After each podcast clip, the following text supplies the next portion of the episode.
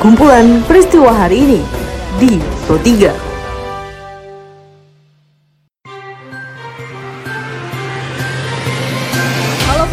Selamat jumpa kembali bersama saya Tika Nantia di podcast Pro 3 RRI dengan kumpulan peristiwa apa saja yang terjadi pada hari ini. Pada podcast kali ini saya akan mengulas isu-isu aktual yang saat ini masih hangat dan juga ramai diperbincangkan di sekitar kita. Tentu saja pendengar, nanti akan saya hadirkan cuplikan informasi dari reporter kami. Inilah kumpulan peristiwa Pro 3 di ruang dengar Anda. Pendengar sebelum saya masuk ke dalam beberapa isu aktual yang akan saya hadirkan sesaat lagi, saya mengundang Anda terlebih dahulu untuk mampir ke laman berita kami di rri.co.id. Anda juga bisa follow sosial media kami di Instagram, Twitter, juga Facebook dengan mengetik at RRI Programa 3 di kolom pencarian Anda. Pendengar persiapan demi persiapan dilakukan pemerintah menjelang penormalisasian kembali atau tatanan kehidupan baru TKB di masa transisi ini. Namun pemerintah belum berencana untuk membuka kembali kegiatan belajar mengajar di sekolah. Saat diwawancara oleh reporter kami Pradipta Rahardi, staf khusus Presiden Bidang Komunikasi Fajrul Rahman mengatakan bahwa kegiatan belajar mengajar masih menunggu hasil evaluasi mendalam dari tim gugus tugas. Belum, Pak Presiden Jokowi mengatakan belum dan hmm. Pak Nadiem Makarim juga mengatakan itu nanti atas evaluasi, memang atas evaluasi dari Kementerian Kesehatan, ya. kemudian uh, gugus tugas nasional dan hmm. gugus tugas hmm. daerah. Nah. Alhamdulillah uh, mereka ini yang terus bekerja didampingi oleh para akademisi begitu. Kita beralih ke lingkungan transportasi pendengar di mana Menteri Perhubungan Budi Karya Sumadi ini resmi menghapus ketentuan batas penumpang 50% pada operasional angkutan umum dan juga pribadi yang tertuang dalam Peraturan Menteri Perhubungan atau Permenhub nomor 41 tahun 2020.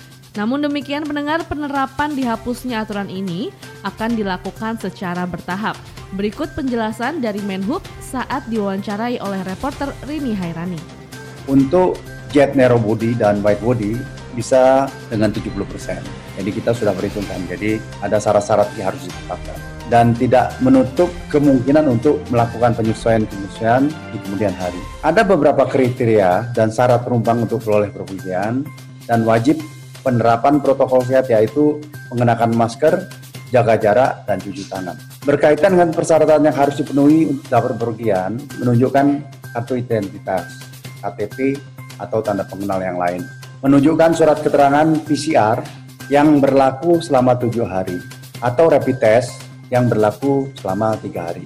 Atau dapat menunjukkan surat keterangan bebas gejala influenza dari dokter rumah sakit khusus mas daerah yang tidak memiliki fasilitas PCR dan rapid test. Kita beralih ke informasi lainnya pendengar di mana harga bahan pokok di perbatasan relatif stabil setelah adanya berbagai bantuan di wilayah tersebut. Seperti saat ini sudah ada bantuan sekitar 20 ton per bulan bantuan beras dari pemerintah pusat. Dan saat diwawancarai oleh reporter kami Taufik Hidayat, Ketua Kelompok Informasi Perbatasan Kabupaten Sintang, Murjani mengatakan beberapa pedagang justru sepi pembeli. Pasar ini kurang laku karena bantuan sembako banyak. Uh, kita kan di sini ini sekitar 2000 lebih nih yang dapat. Jadi sekitar 20 ton per bulan. Angka normalnya 1944, belum ditambah yang baru. Jadi sekitar 2000 lebih kita. Jadi kalau 2000 lebih ya 20 ton per bulan. Tidak sepi tapi jarang kebeli gitu loh. Kalau untuk beras. Nah, untuk makan satu ton itu agak repot katanya. Pendengar Badan Pengawas Obat dan Makanan BPOM Republik Indonesia memberi banyak kemudahan selama masa pandemi COVID-19 ini. Salah satunya adalah proses registrasi dan audit ke sarana usaha yang bisa dilakukan secara online. Kepala Balai Pusat Pengawas Obat dan Makanan Banda Aceh Zulkifli menegaskan bahwa walaupun dilakukan kemudahan, bukan berarti pengawasan akan lemah. Saat diwawancari oleh reporter kami Tisi Maudia terkait dengan hal itu, berikut penjelasan dari Zulkifli. Ini kita tetap lakukan, tentu dengan uh, protokol pencegahan COVID-19. Ketika tim BPOM turun ke lapangan, kita tetap memakai masker, sarung tangan, dan jaga jarak. Kita bagaimana uh, memberikan edukasi kepada masyarakat tentang uh, bagaimana mengkonsumsi pangan segar, pangan siap saji, atau uh, pangan di pasar dan terhadap supermarket.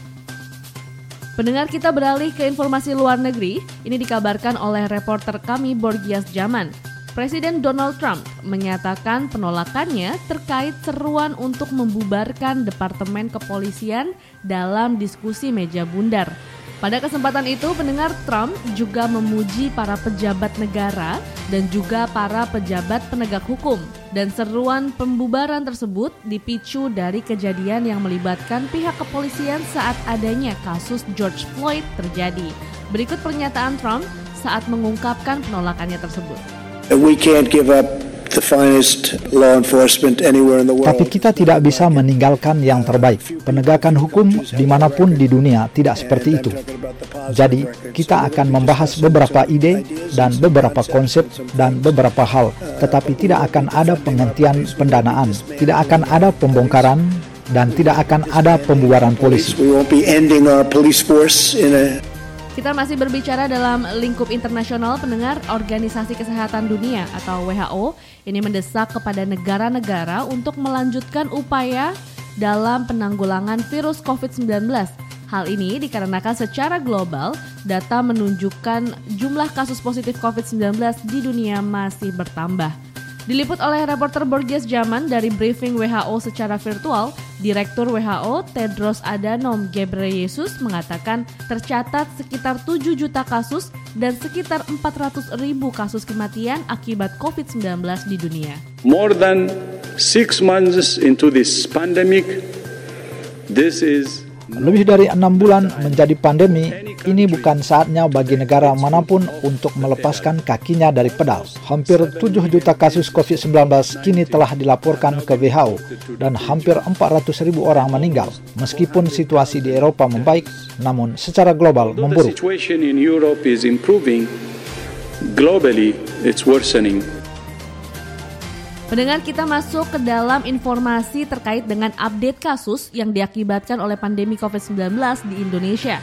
Dan laporan ini dikabarkan oleh reporter kami Niar Abdul di mana jumlah kasus positif COVID-19 di Indonesia pada hari ini menembus rekor tertinggi dengan catatan 1043 kasus positif baru. Sehingga akumulasi dari kasus positif di Indonesia sudah mencapai 33.076 kasus. Jumlah ini pendengar diikuti dengan penambahan jumlah kasus sembuh baru sebanyak 510 orang. Sehingga jumlah akumulatif kasus sembuh mencapai 11.414 kasus baru.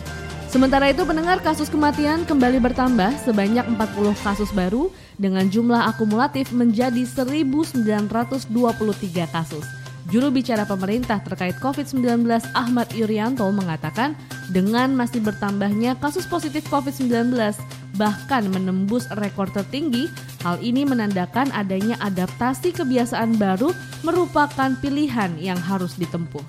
Kan hari ini, ini menggambarkan bahwa memang kebiasaan baru harus kita terapkan karena ini gambaran penularan masih terjadi. Artinya di tengah-tengah masyarakat kita masih kita dapatkan kasus positif tanpa gejala yang menjadi sumber penularan berada di tengah-tengah masyarakat. Baiklah pendengar, informasi tadi sekaligus mengakhiri perjumpaan kita pada podcast edisi hari ini. Anda masih bisa mendengarkan podcast edisi hari ini dan juga hari lainnya di Spotify dengan hanya mengetik Pro 3 RRI di kolom pencarian Anda. Pendengar tetaplah menjaga jarak, teruslah mengikuti berita terupdate di Pro 3 RRI. Saya Tika Nantia beserta dengan tim editor podcast Karisma Rizky undur diri. Sampai jumpa. Jalanan ibu kota DKI Jakarta masih Kumpulan peristiwa hari ini di Pro 3.